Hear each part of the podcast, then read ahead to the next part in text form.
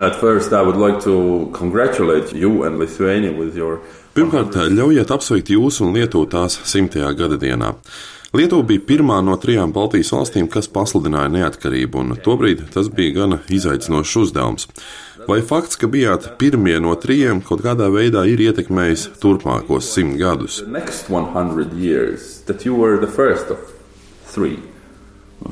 Thank you for your congratulations. I just Paldies par jūsu apsveikumu. Es gribu norādīt, ka 1918. gada 16. februārī Lietuvas padome nobalsoja par uz demokrātiskiem principiem balstītas Lietuvas valsts atjaunošanu ar galvaspilsētu Viļņā. Protams, mēs esam ļoti lepni par savu valsti, kas pirms simt gadiem pasaulē bija gandrīz pilnībā aizmirsta. Mūsu valstiskuma atjaunošanas pasludināšanai nenoliedzami bija milzīgs iespējas uz Lietuvas kā demokrātiskas valsts turpmāko attīstību. Tas ielika stabilus pamats mūsu tālākajai virzībai. Tā kā mums jau iepriekš bija ļoti nopietna valsts kopīga ar Poliju, mums bija arī spēcīgas tradīcijas. Jau 1920. gadā lietuvieši pirmo reizi piedalījās Seima vēlēšanās, un tas nozīmē, ka demokrātiskos principus mēs centāmies ieviest dzīvē jau no paša sākuma. Un šo tradīciju sekas mēs jūtam arī šodien, kad Lietuva ir vienlīdzīga valstu saimnes dalībniece un kad mūsu unikālās vēsturiskās pieredzes dēļ mūsu balsi ne tikai sadzird, bet arī uzklausa. Uh, Visas trīs Baltijas valstu vēsture šo simt gadu laikā ir bijusi visai līdzīga, taču es gribētu jūs aicināt nosaukt trīs, jūsuprāt, galvenos notikumus, kas raksturo Lietuvu šo simt gadu laikā.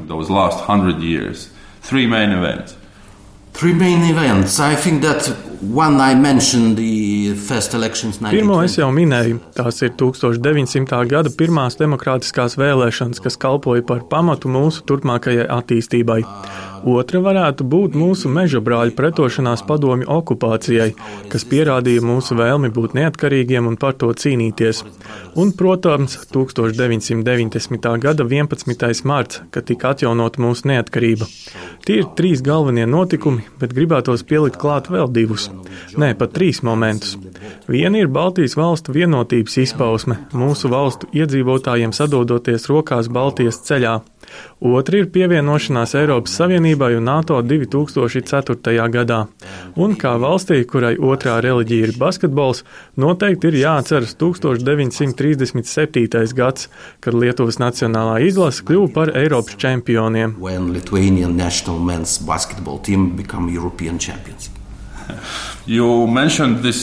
Jūs pieminējāt Baltijas valstu vienotību. Parasti, kad kaut kur pasaulē tiek runāts par neatkarības centieniem šajā reģionā, Baltijas valsts tiek minētas kā viens veselums. Kā jūs raksturotu Latvijas, Lietuvas un Igaunijas pašreizējās attiecības? Vai tās ir tikpat ciešas kā agrāk, vai varbūt šajās attiecībās vērojam arī kādi izaicinājumi? No, by... Es gribētu uzsvērt, ka Baltijas valstis kopīgi tiek minētas ne jau kādas sakritības dēļ. Mūsu reģionus vēsturiski vieno spēcīgas sadarbības saiknes. Kopš neatkarības atjaunošanas mēs esam zinājuši, ka tikai darbojoties kopā, mēs varēsim veiksmīgi integrēties Eiroatlantiskajā saimē.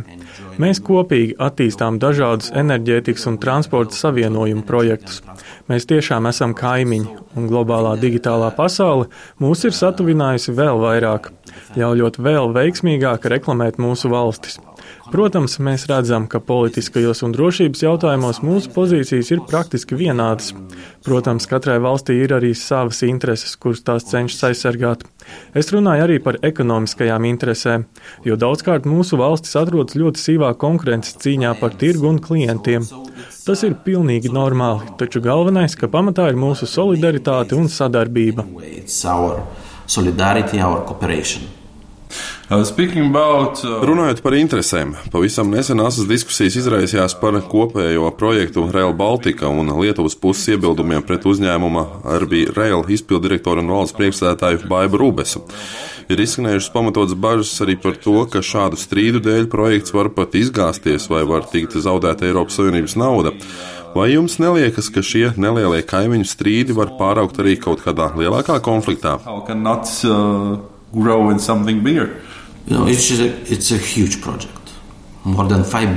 Šis ir milzīgs projekts, vairāk nekā 5 miljardus eiro liels. Un, protams, katrai valstī ir savas intereses, kuras mēs cenšamies aizstāvēt.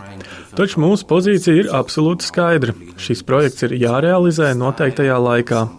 Nenoliedzami šāda projekta gaitā parādās atšķirīgi viedokļi par vadības stilu un rodas dažādas jaunas idejas.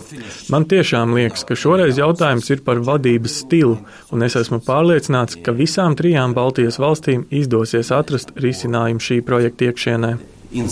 This, uh... Tātad, jūsuprāt, šeit ir jautājums tikai par biznesu un vadības stilu, nevis par politiskām domstarpībām?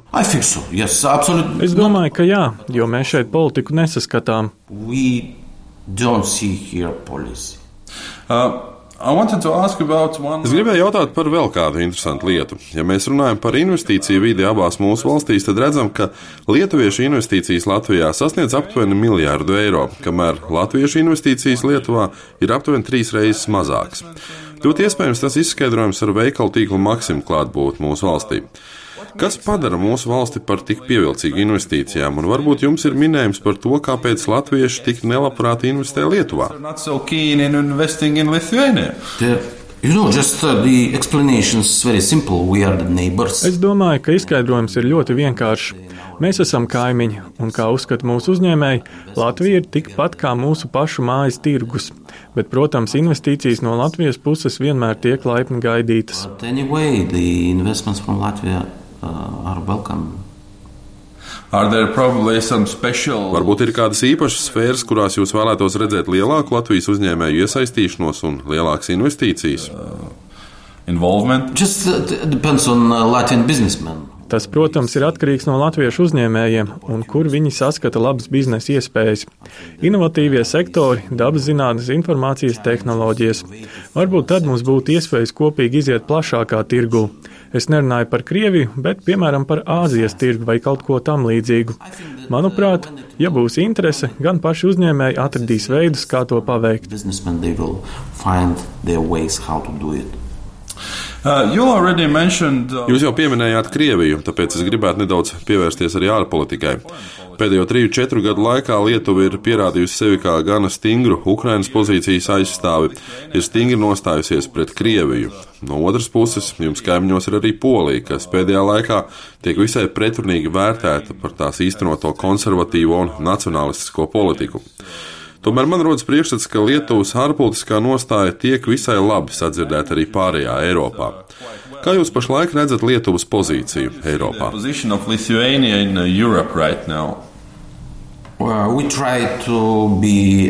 Mēs tiešām cenšamies būt ļoti aktīvi uz Eiropas skatuves, un mūsu nostāja, tāpat kā Eiropas Savienībai, ir balstīta uz vērtībām. Ņemot vērā mūsu vēsturisko pieredzi, mēs zinām, ko nozīmē zaudēt savu zemi un kā ir būt okupētiem.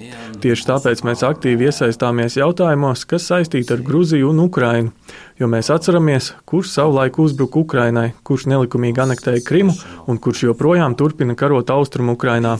Tāpēc nekādu kompromisu nevar būt. Jo jautājums ir par pamatvērtībām un starptautisko tiesību pamatprincipiem. Tieši balstoties uz šiem principiem, mēs arī veidojam savu politiku. This, uh, uh, Runājot par jūsu kaimiņu Poliju, Jūs abas esat katoļu valstis ar ilgu kopīgu vēsturi. Polijas vadība tiek kritizēta par tās visai nacionalistisko un konservatīvo politiku. Kā jūs vērtējat kaimiņu valstī notiekošo, un varbūt Lietuva cenšas norobežoties no šādas politikas? Political agenda right now. No, we can't distance because it's our uh, strategic partner. Nē, mēs nemaz nevaram distancēties, jo Polija ir mūsu kaimiņš, strateģiskais partners, kā arī ļoti nozīmīgs spēlētājs uz Eiropas skatuves. Man ir pārliecība, ka visas problēmas un izaicinājumi, kas saistīti ar Poliju, tiks atrisināti Eiropas Savienības iekšienē bez jebkādām sankcijām vai kaut kā tam līdzīga. Tikai dialoga ceļā ir iespējams atrisināt jebkādas domstarpības in South Union. Uh, ir ļoti daudz diskusiju arī par pašas Eiropas Savienības nākotni, īpaši pēc Lielbritānijas izstāšanās no bloka. Tiek rosināta kodola valstu jeb eirozonas ciešāka integrācija. Kurš scenārijs ir vēlamāks Lietuvai? Ciešāka integrācija, lielāka savienības fragmentācija vai sadarbība kādās mazākās aliansēs? That, uh, that, uh, es domāju, ka mūsu pozīcija ir ļoti skaidra. Mēs atbalstām ciešāku integrāciju, jo mēs, tāpat kā Latvija, esam dziļi integrēti Eiropas Savienībā, Eirozona, Schengen un tā tālāk. Tāpēc tikai šādā veidā kopā mēs varam būt spēcīgāki un ciešāk integrēti. Tas pats attiecas arī uz NATO. NATO, uh, no NATO bez jebkādām šaubām ir mūsu drošības un neatkarības garantija. Mums ir reāls kolektīvās aizsardzības garantijas, jo daudznacionālos alianses spēkus Lietuvā pašlaik pārstāv spēki no 23 alianses dalību valstīm. Tā kā draudi mūsu drošībā joprojām saglabājas, visas NATO teritorijas aizsardzība gar alianses austrumu robežu arī turpmāk būs viena no mūsu galvenajām prioritātēm. Šajā gadā NATO samitā Lietuva un tās sabiedrotie centīsies panākt vēl lielākas drošības garantijas, veicināt ātrāku lēmumu pieņemšanu NATO. So move, move. Atgriezīsimies pie Lietuvas simtgades svinībām. Kādi tad būs šī gada centrālie notikumi un kādus pasākumus jūs aicinātu apmeklēt arī Latvijas iedzīvotājiem? Oh, of course, on Friday, 16th of February, Protams, centrālās svinības būs tieši šodien, 16. februārī Viļņā, uz kurām paredzējušas ierasties arī 12 ārvalstu līderu un karalisko ģimeņu delegācijas, tostarp arī Latvijas prezidents Raimons Vējonis. Protams, būs arī ļoti plaša kultūras programma. Starp citu, tieši šorīt no Rīgas autoostas uz Viļņu startē bezmaksas autobus, kura pasažieriem tiks piedāvāta plaša izklaides pasākuma programma Viļņā visas dienas garumā. Un es zinu, ka ļoti daudz Latvijas iedzīvotāji bija pieteikušies uz šādu braucienu, lai piedalītos Lietuvas svinībās. Protams, visa gada garumā būs ļoti plaša kultūras programma kuras viens no galvenajiem akcentiem ir sadarbība ar pārējām Baltijas valstīm. Tāpēc dažādi pasākumi notiks arī Latvijā, Igaunijā un citur pasaulē. Tā piemēram Baltijas simbolismam veltīta izstāde Parīzes Dorsī muzejā, kur no mūsu puses tiks rādīti čurļoņa darbi un ko atklās Francijas prezidents. Tāpat koncerti Eiropas lielākajās koncertzālēs Varšavā, Berlīnē, Birmingemā, Stokholmā. Tāpat visas trīs Baltijas valstis aprīlī kopīgi piedalīsies Londonas grāmatu izstādē. Tā kā programma ir ļoti plaša un ceru, ka Lietuva šogad ļoti spilgti saskatīs gan Eiropā, gan aiz tās robežām. Arī Rīgā šī gada septembrī ir gaidāma mūsu operas un baleta tūre. Iespējams, ka iepriekš minētā izstāde no Dorsī muzeja nākamgad varētu atceļot arī uz Latviju. Would, like Un noslēgumā gribētos uzdot tādu filozofisku jautājumu par nākamajiem simt gadiem. Kādu jūs vēlētos redzēt Lietuvu turpmākajā gadsimtā?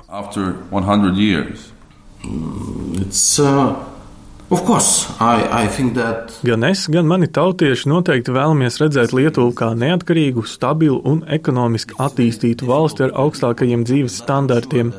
Protams, ir ļoti grūti prognozēt turpmāko notikumu attīstību, bet mēs pašlaik atrodamies uz ļoti laba ceļa, lai mūsu nākamās paudzes varētu dzīvot drošā un plaukstošā valstī. Safe, secure and rich, prosperous. Hey, thank you. Paldies jums! Thank you so much!